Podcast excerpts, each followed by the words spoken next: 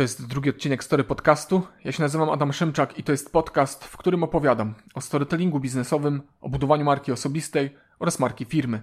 Jeżeli interesuje Cię wzrost Twojej wartości na rynku pracy oraz wzrost wartości Twojej firmy na tle konkurencji, to ten podcast jest właśnie dla Ciebie. Zapraszam do posłuchania. Jingle, jedziemy.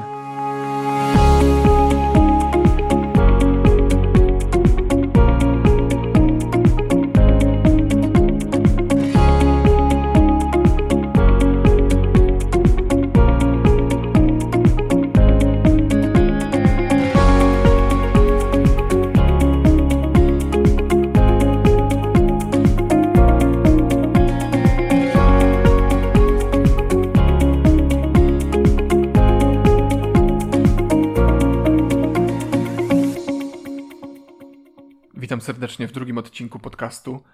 Nie wiem, czy wiecie, ale jest w muzyce rozrywkowej, a szczególnie w przypadku muzyki rockowej, takie zjawisko. Ja się z nim spotkałem przy okazji czytania jakiegoś felietonu. Takie zjawisko, które jest określane mianem syndromu drugiego albumu. I z czym ten syndrom się wiąże? Jeżeli zespół, który wypuścił pierwszy album, który został świetnie przyjęty przez publiczność, przez rynek muzyczny, przez krytyków, zamierza wydać drugi album, to istnieje pewne napięcie związane z wysokimi oczekiwaniami. I to napięcie y, występuje po obu stronach, to znaczy zarówno w publiczności, która zachęcona świetną jakością z pierwszego krążka chce i oczekuje, że ta jakość zostanie potwierdzona w drugim albumie i że ten drugi album dostarczy im podobnych wrażeń estetycznych, a nawet te wrażenia przebije. I to napięcie również występuje po drugiej stronie, wśród muzyków, którzy mają bardzo podobne dylematy związane z tym, w jaki sposób ten drugi album zostanie przyjęty na rynku, zostanie przyjęty przez krytyków, zostanie przyjęty przez publiczność i czy zdołają tą swoją klasę pokazaną w pierwszym albumie potwierdzić. A dlaczego o tym mówię? Bo przypomniało mi się to e, w trakcie przygotowania do nagrania drugiego odcinka mojego podcastu. I analogiczną sytuację mógłbym tutaj przyłożyć właśnie do drugiego odcinka, bo tak jak drugi album wypuszczony na rynek przez zespół muzyczny, tak drugi odcinek wypuszczony na rynek przez podcastera, no wiąże się tutaj z podobnym napięciem. I we mnie to napięcie również jest. W jaki sposób zostanie ten drugi odcinek odebrany? Czy zostanie podobnie ciepło odebrany jak pierwszy, o czym jeszcze powiem w dalszej części podcastu, czy wręcz przeciwnie. Ale ja postanowiłem sobie z tym napięciem poradzić. W jaki sposób? Postanowiłem, że ten drugi odcinek podcastu będzie kontynuacją pierwszego. To znaczy, że będzie on jeszcze taki rozgrzewkowy. Bo powiedziałem w pierwszym odcinku o pewnych rzeczach, które nie udało mi się zmieścić w nim, więc zmieszczę w tym i w ramach jeszcze takiego zapoznania się, bo pierwszy odcinek był zapoznawczy, mówiłem tam bardzo dużo o sobie, w tym odcinku będę mówił trochę mniej, ale jednak jeszcze chciałbym tą linię zapoznawczą kontynuować i umówmy się, mam nadzieję, że dacie mi do tego przyzwolenie, i nie będziecie mieć mi tego za złe. Umówmy się, że te dwa pierwsze odcinki to jest taka część A i część B. A dopiero w trzecim zrobimy tutaj odcinek, który będzie poświęcony w całości jakiemuś jednemu tematowi. Dzisiaj oczywiście powiem o pewnych rzeczach takich merytorycznych. W pierwszym odcinku również tej merytoryki trochę było. Tutaj parę osób zauważyła to i jestem z tego powodu bardzo zadowolony, bo bardzo chciałbym właśnie, żeby te podcasty były merytoryczne. Dziś również tej merytoryki nie zabraknie, ale jeszcze to będzie takie e, fragmentaryczne. Mam nadzieję, że mi to wybaczycie. I ta analogia tutaj do tej rozgrzewki przed właściwą grą myślę, że jest adekwatna, bo w trakcie rozgrzewki wykonuje się dużo różnych e, ćwiczeń, które albo są ze sobą powiązane, albo nie są ze sobą powiązane, które mają za zadanie rozgrzać organizm przed wysiłkiem fizycznym. I dziś chciałbym zrobić coś podobnego, ale w podcaście. Mam nadzieję, że będzie dla Was interesująco. I teraz przejdźmy do tego spisu treści dzisiejszego odcinka. Dziś, tak jak już powiedziałem, będzie kontynuacja z pierwszego, to znaczy powiem o tym, o czym nie powiedziałem w pierwszym odcinku, czyli odpowiem na pytanie, które otrzymałem na jednym ze szkoleń, które odbyłem w Krakowie. Będzie to pytanie dotyczące storytellingu biznesowego. Potem opowiem o książce, o której też zabrakło miejsca w pierwszym odcinku. I już teraz mogę powiedzieć, że będzie to książka Krzysztofa Filarskiego Storytelling Inspiracyjny. Ja tą książkę opisywałem już na blogu w takiej krótkiej recenzji, ale chciałbym jeszcze w podcaście ją omówić. I związana będzie również z tą książką pewna niespodzianka. Co to będzie za niespodzianka? Zapraszam do słuchania. Potem dokonam uroczystego zamknięcia pewnego etapu na moim blogu. Pierwszego etapu mojego blogowania, troszkę ponadrocznego. Zapowiem również nowy cykl na blogu. I dziś dowiecie się, co to będzie. I chyba na tyle, jeśli chodzi o dzisiejszy odcinek. Mam nadzieję, że również jak w przypadku pierwszego nie zabraknie na to czasu i dziś jednak się z tym wszystkim zmieszczę i nie przekroczę pół godziny. Mam nadzieję, że będzie troszkę krócej. Jeśli rozgrzewka, to też, żeby nie trwała zbyt długo. Ale zanim przejdę do części merytorycznej, chciałbym Wam wszystkim bardzo serdecznie podziękować za to, w jaki sposób odebraliście pierwszy odcinek mojego podcastu. Ja jestem tym w ogóle bardzo zaskoczony. Spodziewałem się tego, że może to być dla kogoś interesujące, być może dla kogoś nie, ale to, jakie otrzymałem komentarze, zarówno w wiadomościach prywatnych, jak i na stronie bloga czy w mediach społecznościowych, no przeszła moje oczekiwania. Jestem bardzo szczęśliwy z tego powodu. Chciałem się z tym też z Wami tutaj dzisiaj podzielić. Lunka napisała: Adam, gratulacje. Ciekawy i merytoryczny podcast. W ogóle bardzo się cieszę, że ktoś zwrócił uwagę na część merytoryczną, bo tak jak już e, mówiłem, to jest takie moje oczko w głowie. Chciałbym, żeby tutaj było mnóstwo merytoryki. Krystian, witamy w rodzinie podcasterów. Zapowiada się ciekawie, fajnie się słucha. Powodzenia. Krystianie, bardzo dobrze czuję się w tej rodzinie. Szymon na Twitterze napisał: Dzisiaj przesłuchałem przez podcast Addict. Zapowiada się dobrze. Czekam na kolejne. Powodzenia. Dzięki, Szymon. Wojtek w recenzji w iTunes napisał: Zapowiada się rewelacyjnie. Adam jest świetnym specjalistą, a do tego posiada poczucie humoru i dar do opowiadania historii. Jestem przekonany, że jego podcast będzie wartościowym miejscem na mapie polskich podcastów. Pierwszy odcinek zapowiada wysoką jakość. Czekam na więcej. Wow, to jest mega recenzja. Bardzo, bardzo za nią dziękuję. Jerzy napisał na Facebooku: Nie można wymarzyć sobie lepszego startu. Fajnie się słucha. Tembr głosu, sposób budowania zdań to wszystko sprzyja dobremu odbiorowi treści. To są Twoje osobiste cechy, wielkie atuty. Poza tym otworzyłeś mi oczy na kilka tematów, które od teraz będą w centrum mojej uwagi. Więcej o takich nowinkach. Ludzie nie zawsze wiedzą o tym. No właśnie, ja powiem Wam szczerze, że im dłużej siedzę w różnych tematach, tym y, mam coś takiego, co też y, mówi się o tym specjalistycznie, że jest taką klątwą wiedzy. I czym jest klątwa wiedzy? To jest taka sytuacja, w której ktoś, kto ma pewną wiedzę, kto, ktoś, jeśli jest fachowcem, jest specjalistą, jest ekspertem w jakiejś dziedzinie, to jemu trudno sobie wyobrazić, że ktoś może o czymś nie wiedzieć. I to mi się właśnie skojarzyło z tym, co Jerzy napisał w komentarzu na Facebooku. I ja staram się też mieć w głowie to, że jeżeli ja o czymś wiem i dla mnie pewne rzeczy są oczywiste, to wcale takie oczywiste dla kogoś mogą nie być. I ja nagrywając ten podcast będę starał się mieć w głowie właśnie poprawkę na to. Dalej. Michał napisał: Genialny podcast się zapowiada. Dziękuję za inspirację. Czy to aby na pewno twój pierwszy podcast? Brzmi jak co najmniej setny. Pełny profesjonalizm. No właśnie, co najmniej setny. Zaskoczony też jestem takim odbiorem, dlatego że ja wiem, jak nagrywałem pierwszy podcast, jak się denerwowałem. I jeżeli jest to odbierane w taki sposób, jak gdybym ja miał większe doświadczenie niż mam w rzeczywistości, to taki odbiór mnie bardzo, ale to bardzo cieszy, dlatego że wiem, że ja będę to robił coraz lepiej. I jest tutaj dużo do zrobienia. Na plus. Aż się boję tego, co to będzie przy setnym odcinku. Jeżeli ktoś mnie obserwuje wnikliwie, to wie, że ja celebruję takie rzeczy, które są na blogu setne, które są związane z, jakim, z jakąś setką. Opublikowałem konkurs przy okazji setnego fana na Facebooku. Nagrodziłem setnego fana na Facebooku.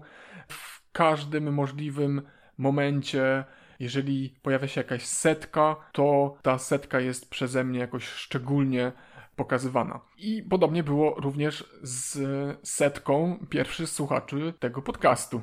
Jedna osoba napisała mi: Właśnie przesłuchałem Twojego storycasta i powiem Ci, że urwałeś dupę. Świetnie się Ciebie słucha. Bardzo spokojnie i wyraźnie i dokładnie wszystko mówisz, więc jest naprawdę super. Wow, jak przeczytałem tę wiadomość, to pomyślałem sobie, wow, serio? Naprawdę? Urwałem dupę? Ale się cieszę.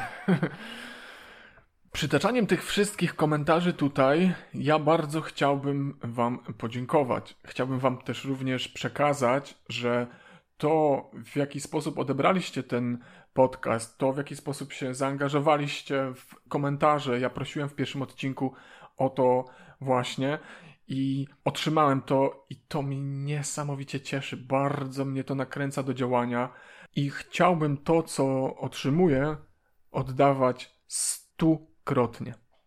To tak w nawiązaniu do wspomnianej wcześniej liczby 100 i do nazwy mojego bloga. Przejdźmy teraz do tego, co Was pewnie najbardziej interesuje, czyli do części merytorycznej. Byłem jakiś czas temu na szkoleniu e, zorganizowanym przez PricewaterhouseCoopers razem z inkubatorem innowacji społecznych Transfer Hub w Krakowie. I tam poznałem świetnych ludzi, w ogóle bardzo pozdrawiam, i tam od Krzyśka dostałem pytanie, które w pierwszym momencie mnie zaskoczyło, bo do głowy by mi nie przyszło, żeby takie pytanie zadać. Ale dlaczego by mi to do głowy nie przyszło? Właśnie z powodu tej klątwy wiedzy, o której wspominałem kilka minut wcześniej. I Krzysiek zadał mi pytanie, które e, brzmi: czym się różni storytelling od storytellingu biznesowego? Czym się różni storytelling od storytellingu biznesowego? I teraz, tak jak ja sobie myślę o tym pytaniu, to budzą mi się takie skojarzenia z, ze światem takim kuchennym, bo to pytanie przypomina mi takie hipotetyczne pytanie, czym się różni chleb od chleba razowego, albo czym się różni herbata od herbaty czarnej, albo czym się różni mąka od mąki pszennej. Jedno i drugie to jest chleb, jedno i drugie to jest herbata i jedno i drugie to jest mąka, ale tak jak chleb razowy jest chlebem, każdy chleb razowy jest chlebem, każda herbata czarna jest herbatą i każda mąka pszenna jest mąką, tak nie każdy chleb jest chlebem razowym, nie każda herbata jest herbatą czarną i nie każda mąka jest mąką pszenną. Działa to w jednym kierunku, ale w drugim już nie. I podobnie jest ze storytellingiem biznesowym. Bo storytelling biznesowy to jest taki sam storytelling, jeśli mielibyśmy tutaj rozważać taką warstwę strukturalną, czy taką warstwę związaną z formą, to jest takie samo opowiadanie historii, czyli czy to jest takie samo wykorzystywanie opowieści, wykorzystywanie historii, wykorzystywanie narracji, jak w przypadku innego snucia opowieści, tyle że w określonych warunkach, czyli tutaj tak naprawdę w warunkach biznesowych. I mamy tutaj takie dwa elementy, i z tym chciałbym, żebyście z tego dzisiejszego podcastu wyszli, żeby Wam się utrwaliło to, że storytelling biznesowy tym różni się od w ogóle jakiegokolwiek opowiadania historii czy wykorzystywania historii, narracji, opowieści w ogóle dwoma elementami. Pierwszy z nich to jest rzecz, no można tak powiedzieć, oczywista, czyli kontekst biznesowy. Czyli to jest opowiadanie historii, wykorzystywanie opowiadania w warunkach biznesowych. Czyli mamy tutaj taki świat biznesu, świat marketingu, świat reklamy, świat klientów, świat obsługi, świat sprzedaży, świat budowania marki, czyli to jest ten świat, w ramach którego my się w, w obrębie storytellingu biznesowego poruszamy. I to jest jedna rzecz, czyli kontekst biznesowy. Druga charakterystyczna rzecz to jest coś bardzo istotnego i zwróćcie na to szczególną uwagę. storytelling w biznesie opowiada się po coś. To jest zawsze związane z jakimś przyjęciem jakiegoś celu. Bo biznes jest nastawiony na cel. Biznes jest nastawiony na efekt. Biznes jest nastawiony na zrobienie czegoś. I to jest zrobienie czegoś konkretnego. To się wszystko wyraża w planach, to się wszystko wyraża w strategiach, w przyjętych celach, założeniach itd. Tak I storytelling biznesowy musi w tym mieć swój udział, musi być w tym zakorzeniony, w tym świecie nastawionym na rezultaty. I jeżeli zabieramy się za storytelling w biznesie, to musimy sobie zadawać podstawowe, elementarne pytania. Po co opowiadamy historię? Co chcemy tym osiągnąć? Po co to robimy? Jaki efekt chcemy wywołać? O co nam tak naprawdę chodzi? I tutaj też mamy pewną analogię, chciałbym z Wami podzielić się też pewną analogią, tym razem do świata fizyki. Kojarzycie wzór na pracę? Praca równa się siła razy przesunięcie. Jeżeli to dopasujemy do takiego codziennego funkcjonowania w warunkach biznesowych i porównamy wykorzystywanie storytellingu w biznesie do pracy jak każdej innej, to mamy tutaj przyłożenie jeden do jednego również do opowiadania historii. Czyli opowiadanie historii, w cudzysłowie praca, równa się siła razy przesunięcie. Czyli żebyśmy mieli do czynienia z jakimś efektem, który chcemy wywołać poprzez opowiadanie historii, musimy w to włożyć pewien wysiłek i musimy coś tym wysiłkiem osiągnąć. Czyli musimy dążyć do pewnego przesunięcia. I to jest analogia ze świata fizycznego, chciałbym jeszcze nałożyć na to taki filtr związany ze światem literackim. Dzisiaj będzie dużo analogii, już dużo analogii się pojawia. Wcześniej był analogia do świata kuchennego. W ogóle zacząłem od analogii do świata sportowego, potem przeszedłem do analogii ze świata kuchennego, analogii ze świata fizyki. Teraz mamy świat literacki. Opowiadanie historii, w ogóle Literaci, pisarze są mistrzami w opowiadaniu historii. Napisanie książki, napisanie fabuły jest konstruowaniem opowieści, jest opowiadaniem. I konstruktorzy storytellingu w biznesie wykonują taką samą pracę jak pisarze. I co mam tutaj na myśli, żeby wam to lepiej przedstawić i lepiej wyjaśnić? Kiedy pisarz zabiera się za napisanie książki, on musi mieć w głowie pewien plan na nią. Czyli musi być, musi mieć w głowie chociażby, znaczy nawet nie chociażby, po prostu musi mieć w głowie e, poukładane, co chce tą opowieścią osiągnąć, tak jak już mówiłem wcześniej, o co mu chodzi, jaka jest główna myśl, jakie jest główne przesłanie tej książki, przez jaki proces chce swoich czytelników przeprowadzić co im chce zaoferować. I podobnie jest w biznesie. I jeżeli mówiłem tutaj o analogii do wzoru z fizyki, gdzie jest siła razy przesunięcie i e, ze szczególnym podkreśleniem właśnie tego efektu, czyli przesunięcia, to tutaj mamy też takie proste skojarzenie z greckim terminem katarsis, czyli z oczyszczeniem, bo dobra opowieść, dobra historia to jest taka historia, która nas zmienia która nas przemienia i która sprawia, że my jesteśmy już inni po wysłuchaniu tej historii. I to było od samego początku zakorzenione w naszej kulturze i jest nadal. Również w biznesie. Mamy na myśli cel, czyli chcemy przez jakieś katarsis czy przez jakieś oczyszczenie przeprowadzić naszego odbiorcę. Tutaj pewnie budzi się Wam w głowach szereg różnych pytań, ale e, jaki cel przyjąć przy opowiadaniu historii, przez jaki proces przeprowadzić e, odbiorców, w jaki sposób to zrobić. To już, są, to już jest pójście dalej w las i tam już się pojawia troszkę więcej tematów do ogarnięcia. Myślę, że nie będziemy jeszcze na razie tutaj w tym odcinku wchodzić w te szczegóły. Ja chcę teraz tylko podkreślić, e, odpowiadając na to pytanie, jeszcze raz przypomnę, czym się różni storytelling od storytellingu biznesowego. Różni się właśnie tymi dwoma rzeczami, które wspomniałem. Pierwsza to jest kontekst biznesowy, czyli to nie jest opowiadanie historii u cioci na imieninach, to nie jest opowiadanie anegdotek w powietrze tak po prostu, od tak, żeby sobie poopowiadać, tylko to jest opowiadanie w konkretnych ramach, warunkach biznesowych, gdzie jest konkretny świat. Może jeszcze dopowiem tutaj do tego świata, bo twórcy opowieści, scenarzyści, pisarze, reżyserzy, dramaturdzy jeszcze tutaj można by było wymieniać, oni konstruują te opowieści w jakimś świecie. To jest zawsze umiejscowione w jakimś kontekście.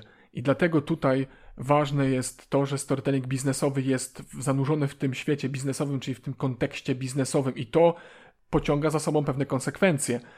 Ale może nie będę tutaj wchodził w szczegóły, bo chcę na razie na tym poziomie dużej ogólności jeszcze pozostać. W trakcie publikowania odcinków tego podcastu będziemy wchodzić w różne ciekawe tematy i zagadnienia, więc zapraszam bardzo serdecznie do śledzenia tych y, odcinków. To jest jedna rzecz, czyli ten kontekst biznesowy. I druga rzecz to jest celowość. To jest zawsze po coś, czyli to jest ten storytelling strategiczny. Jak myślicie o storytellingu biznesowym, proszę myślcie o tym, że to jest storytelling strategiczny.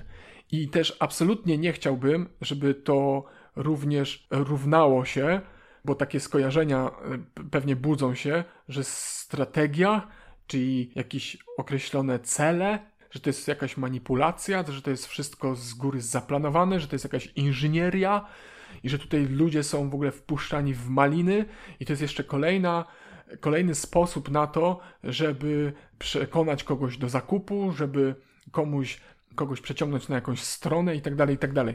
Absolutnie nie. Storytelling bazuje na naszym człowieczeństwie, na, bazuje na tym, jacy my jesteśmy. Jeden z jezuitów, ojciec de Mello, powiedział takie, czy napisał takie słowa piękne, które e, ja gdzieś tam używam w jakichś różnych kontekstach, że właściwie w opowiadaniu odległość między człowiekiem a prawdą jest najkrótsza.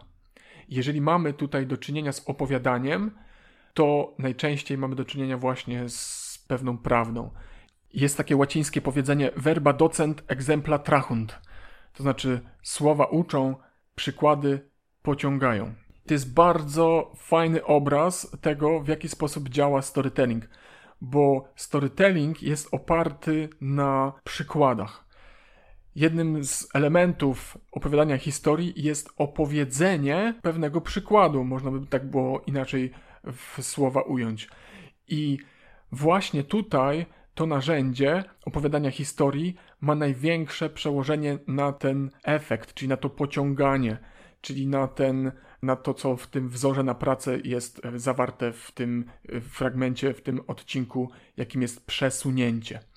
I opowiadanie historii jest y, związane właśnie z opowiadaniem przykładów, opowiadaniem najczęściej prawdziwych przykładów. Ja też o tym w ogóle będę mówił jeszcze. Tutaj dziś nie będę wchodził w ten temat. To jest też kolejne bardzo ciekawe pytanie, czy można opowiadać historie, które są fałszywe. I to będę rozwijał jeszcze za jakiś czas. Dziś, dziś to, to odłożę. Krzysztof Filarski, do którego książki za chwilę przejdziemy, napisał w jednym ze swoich artykułów takie super słowa, które tutaj mogę też przytoczyć. On napisał tak: Do przekazywania rzeczy błahych używamy arkusza kalkulacyjnego, a do przekazania rzeczy ważnych używamy historii. I to się bardzo fajnie łączy z tym, co powiedziałem do tej pory, i to, że jeżeli mamy do czynienia z czymś ważnym, to najczęściej tam pojawia się historia, bo w tych przykładach, które pociągają, jest zawarta prawda. To, co powiedziałem, zacytowałem tutaj Demello, że w opowiadaniu odległość między człowiekiem a prawdą jest najkrótsza, i w tych przykładach mamy właśnie prawdę, i dlatego opowiadanie historii jest takie skuteczne, bo najczęściej jest związane z pokazaniem prawdy w czystej postaci. I my, jako ludzie, którzy jesteśmy zwierzętami narracyjnymi, jest to część naszej natury, jest to część naszego człowieczeństwa. Nas historie tak bardzo pociągają, że jesteśmy w stanie przyjmować prawdy, które za nimi stoją. Nie, nie chcę, nie chcę użyć tutaj takiego porównania, że łykamy jak pelikany, ale jesteśmy tutaj jak dzieci. Łakniemy historii. My tych historii chcemy słuchać. My chcemy, żeby nas historie pociągały, bo my szukamy również, szukamy liderów, którzy posługują się historiami. Czyli podsumowując ten krótki wątek związany z odpowiedzią na pytanie, czym się różni storytelling od storytellingu biznesowego, różni się dwoma na dużym poziomie ogólności, dwoma podstawowymi e, elementami, to znaczy kontekstem biznesowym i celowością, czyli elementem, elementem strategicznym. Przejdźmy teraz do książki Krzysztofa Filarskiego Storytelling Inspiracyjny, bo temat związany z tą książką łączy się w naturalny sposób z tym, co powiedziałem w tym odcinku do tej pory, czyli z tym przesunięciem, z, tym pociąganiem do czegoś. Bardzo spodobało mi się to, co Krzysztof napisał na samym początku niemal w książce, że dobra biznesowa historia jest jak deszcz na pustyni. Równie rzadka i równie ożywcza. Bardzo mi się spodobało to porównanie bo ono też w pewien sposób mówi o tej rzeczywistości storytellingu w biznesie.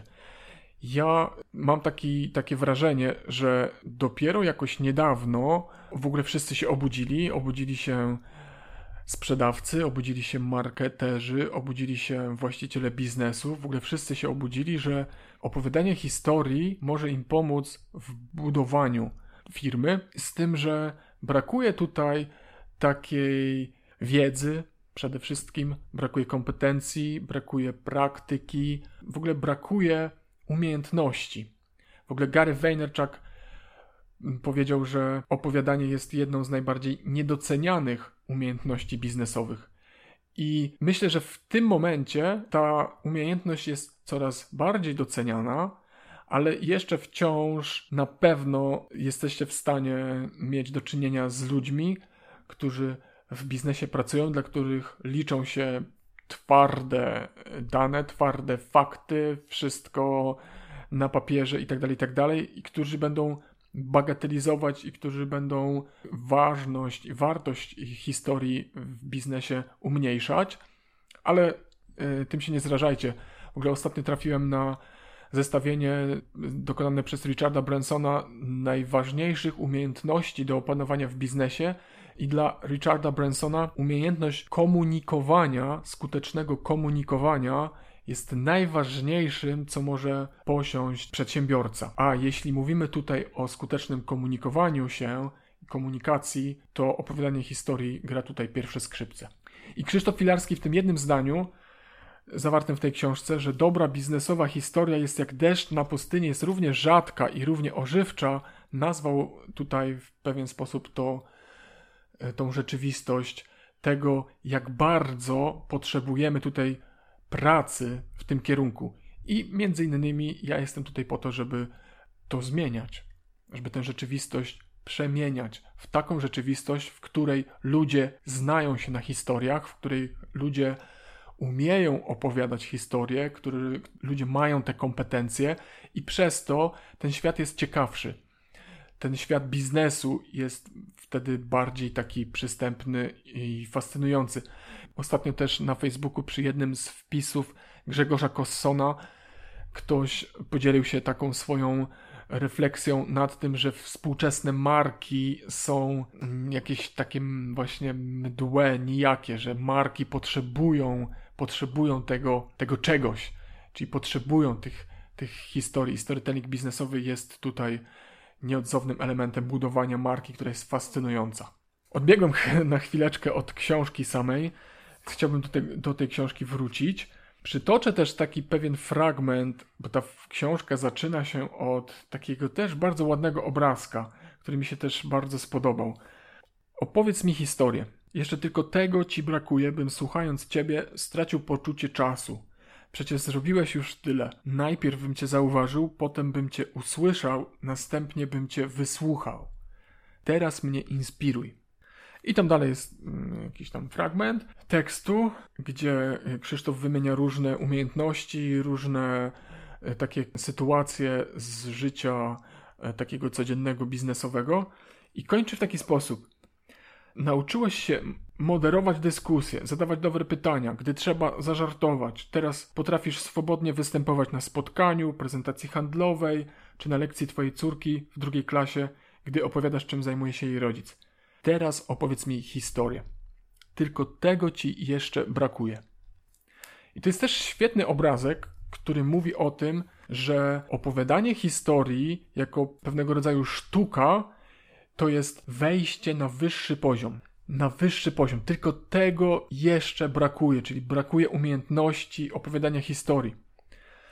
I ja pisałem w recenzji tej książki na blogu właśnie to, że tej książki nie polecam tak naprawdę zupełnym nowicjuszom i początkującym na tej drodze do wejścia na zdobywanie umiejętności opowiadania historii, bo dla mnie ta książka pomaga właśnie w tym, w wejściu na wyższy poziom. Ona zawiera różne konteksty, w których można używać storytellingu, takich różnych technik, bardzo szczegółowo opisanych w tej książce. Zawiera karty storytellingowe. Z tym, że, tak jak napisałem na blogu, ona rzuca użytkownika trochę na głęboką wodę. Znaczy, daje wskazówki pewne i mam takie wrażenie, że pozostawia cię samemu. Zostawia cię z przepracowaniem tego, zostawia cię z wykorzystaniem tego i z zobaczeniem, co się stanie, z, z zobaczeniem, jaki to wywoła efekt i tak dalej, i tak. Trochę zabrakło mi tutaj w tej książce nadania temu wszystkiemu jakiegoś sensu. Można było to uzyskać wprowadzając czytelnika w świat narracji, wyjaśniając mu pewne mechanizmy, osadzając te techniki, które zostały tam w dalszej części książki przedstawione, no w takich w, w szerszych ramach. Ale ja nie uważam, że to jest jakaś duża wada w tej książce, wręcz przeciwnie. Ona jest dla praktyków i jeżeli ktoś już posiadł tę tą jakąś pewną wiedzę i ten sens, to będzie w stanie z tej książki skorzystać w większym stopniu niż tak, taki ktoś, kto się za tą książkę zabiera i nie ma jakiegoś takiego lepszego pojęcia o storytellingu. Ale za to Krzysztof Filarski w takiej krótkiej, ultra krótkiej, skondensowanej formie przedstawia tak zwany trójkąt opowieści. I on przedstawia to za pomocą trzech słów, które zawierają się w jednym zdaniu. Opowiem ci historię. Czyli opowiem ci historię. Opowiem mówi o w naturalny sposób budzi skojarzenia z narratorem, czyli z osobą, która opowiada, ci, czyli z odbiorcą, czyli słuchaczem opowieści i historię, czyli historią, czyli samą opowieścią. I mam tutaj te trzy elementy: narrator, widownia i opowieść w takiej krótkiej, skondensowanej formie. Co też jest fajne, też jest ciekawe w tej książce.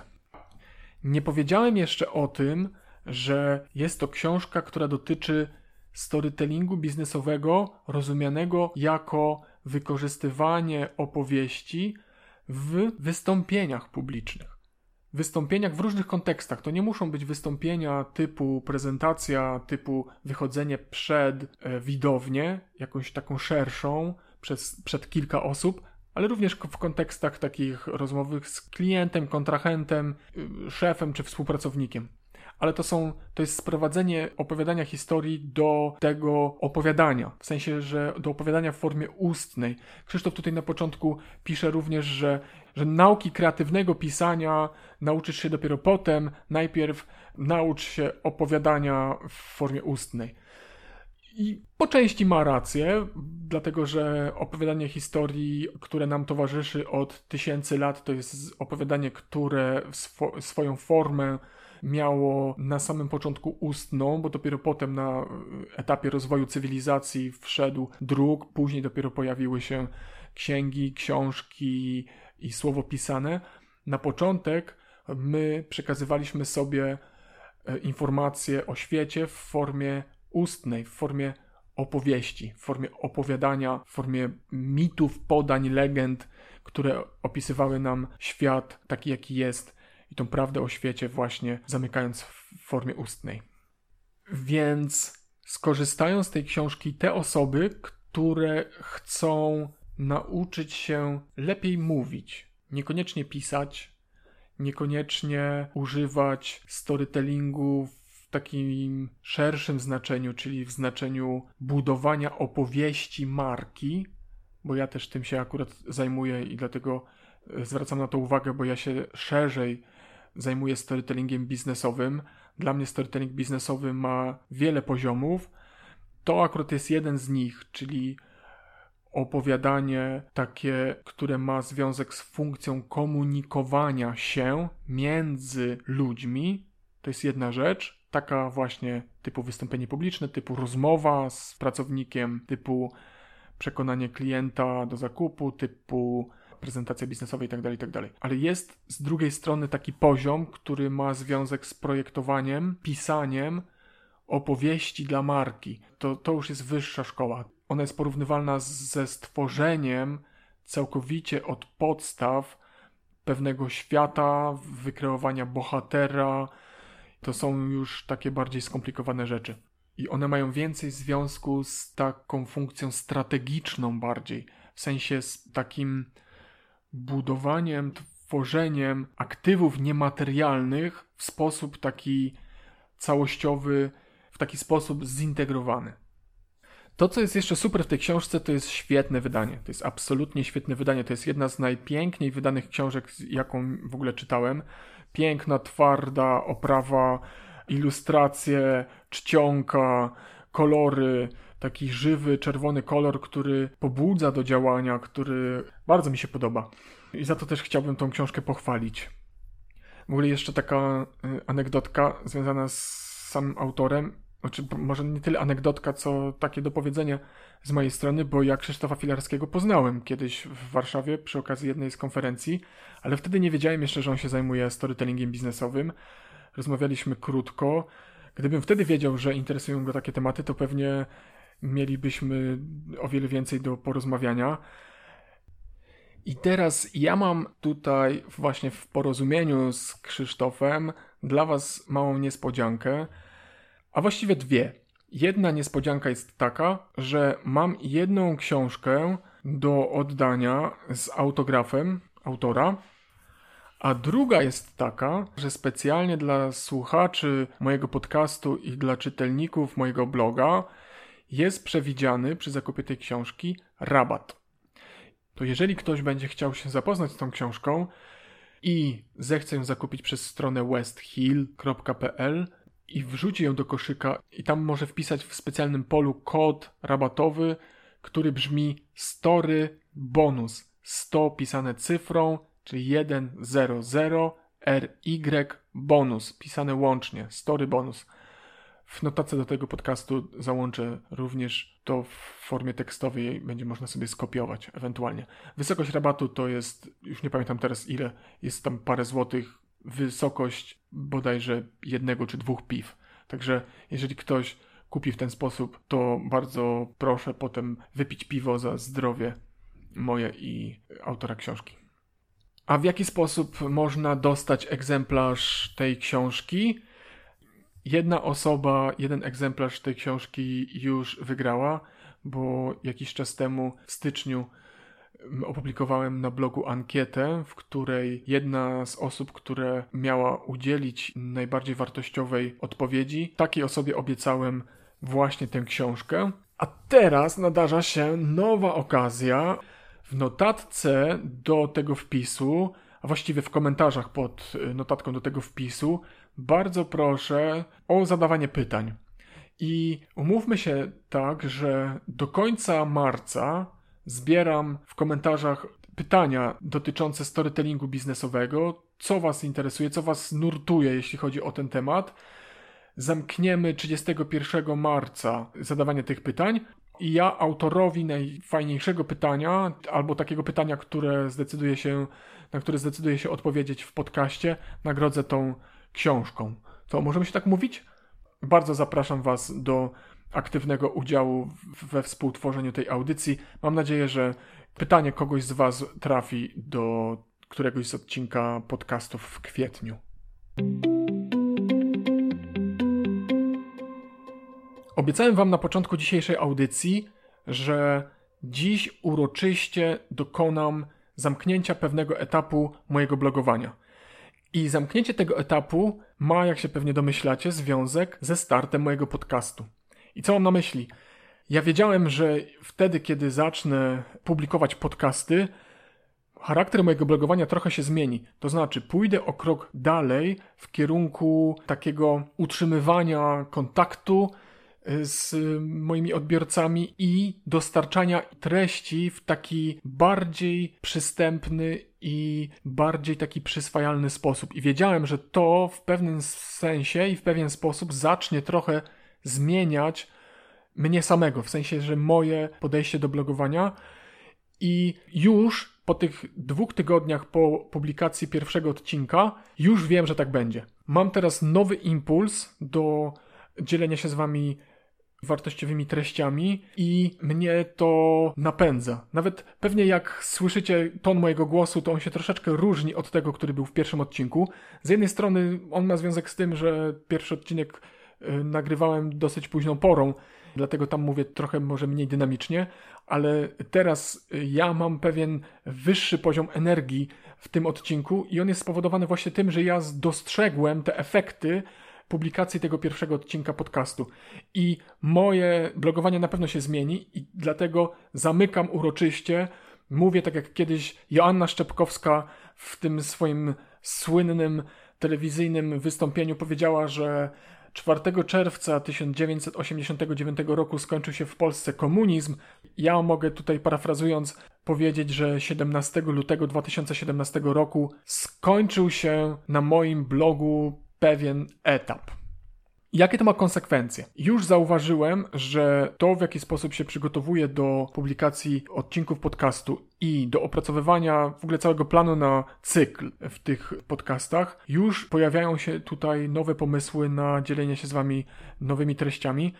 I z tego, co zauważyłem, i pewnie Wy też zauważyliście, że wielu podcasterów, publikując odcinki podcastu, publikuje również transkrypty tych odcinków żeby rozszerzyć te treści również o taką wersję pisaną, bo są osoby, które przyswajają sobie treści bardziej w formie wizualnej lub lubią po prostu sobie uzupełnić czasem, być może spojrzeć również na te treści, wydrukować sobie, porobić notatki, zakreślić itd., tak itd., tak więc podcasterzy również w ten sposób do tego podchodzą, że to również udostępniają.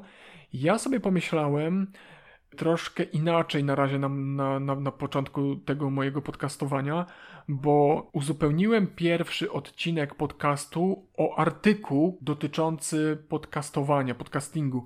Ja to samo, co mówiłem w pierwszym odcinku, czyli te wszystkie argumenty, które przemawiają za podcastingiem i to, co ja mówiłem o tym, dlaczego uważam, że podcasting w Polsce będzie zbierał coraz większe żniwo, ja uzupełniłem w formie artykułu i pomyślałem sobie w taki sposób, że jeżeli będę przygotowywał się do publikacji podcastu, to nie będę na razie na początku robił transkryptów, bo trochę mi jeszcze na to w tym momencie nie pozwoli pewnie czas, bo jestem zaangażowany w kilka projektów aktualnie.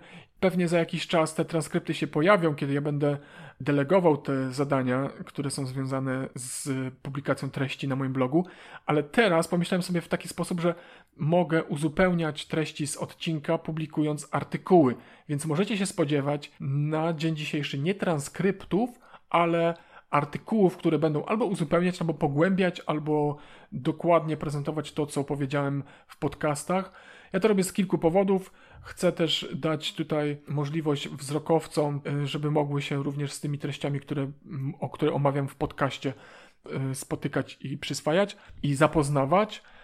I to by było na tyle, jeśli chodzi o takie ogłoszenia yy, związane z kwestiami technicznymi publikacją. Na koniec dziękuję za wysłuchanie odcinka. Mam nadzieję, że nie zawiodłem, że ten syndrom drugiego odcinka tutaj został E, zniwelowany, w sensie, że to napięcie zostało wyeliminowane i coś ciekawego dzisiaj wynieśliście z tego odcinka, usłyszeliście coś wartościowego. Życzyłbym sobie tego. Bardzo dziękuję. Zachęcam, tak jak ostatnio, do aktywności. Bardzo Was proszę o komentowanie tego wpisu na blogu, o komentowanie postów na Facebooku, na Twitterze o śledzenie mnie na Snapchacie i na Instagramie, w ogóle na Insta Stories często pojawiają się komunikaty. Ja tam opowiadam o różnych rzeczach, które są aktualnie związane z tym, co się dzieje na blogu. Zachęcam bardzo serdecznie do oceniania tego podcastu w iTunes. Bardzo Was proszę o recenzję i przyznawanie gwiazdek. Dlaczego to jest istotne? Bo to pomaga w utrzymaniu tego podcastu, widoczności i dotarciu do niego nowym odbiorcom. Ja w ogóle już z tego, co ostatnio patrzyłem, trafiłem na listę najlepszych podcastów w iTunes, ale to gdzieś tam na jakichś y, pozycjach takich na 43 miejscu bodajże byłem, ale dzięki temu, że będziecie recenzować i dawać, przyznawać te gwiazdki i subskrybować, to ta widoczność będzie się zwiększać. Bardzo Was o to bym prosił. Jeszcze w jaki sposób można posłuchać tego podcastu? Oczywiście można go posłuchać na stronie bloga. Tam publikuję wpisy w, razem z notatkami, linkami i tam można skomentować każdy odcinek. Można go słuchać w iTunes, już o tym wspomniałem. Mm, można go słuchać na urządzeniach z Androidem, w Podcast Addict, w kilku innych jeszcze popularnych aplikacjach. Można go słuchać na Stitcherze, na Stitcherze czy w Stitcherze, nie wiem jak to się, jak to się odmienia. Tam też ten podcast jest już widoczny, jest już dodany. Można go słuchać na SoundCloudzie bezpośrednio, można go też posłuchać na YouTubie. Też chcę umożliwić użytkownikom YouTube'a dotarcie do niego, ale zachęcam do tego, żeby tego podcastu słuchać w najlepszej formie, w najbardziej wygodnej, czyli w aplikacji, która jest specjalnie przystosowana do słuchania podcastów, która subskrybuje, y, pobiera automatycznie odcinki na telefon i one są już gotowe do słuchania, nie trzeba robić nic więcej. Także widać y, notyfikacje też powiadomienia, że pojawił się nowy odcinek, który nie został jeszcze odsłuchany. Można ten odcinek podcastu zabrać ze sobą gdziekolwiek się jest, czy się jest w drodze do szkoły, czy do pracy, czy z pracy, czy w tramwaju, czy w metrze, czy na spacerze z psem, czy w poczekalni u lekarza, czy na przystanku autobusowym, no wszędzie, tylko gdzie można słuchać ma się chwilkę czasu i można te kilka, czy kilkanaście, czy kilkadziesiąt y, minut czasu poświęcić i być do przodu z wartościowymi treściami. Także zachęcam bardzo serdecznie do subskrypcji, zachęcam do y, aktywnego komentowania, zachęcam do oceniania, do zadawania pytań, do bycia ze mną w kontakcie i serdecznie jeszcze raz dziękuję Wam za to, że mnie słuchacie i do usłyszenia. Cześć!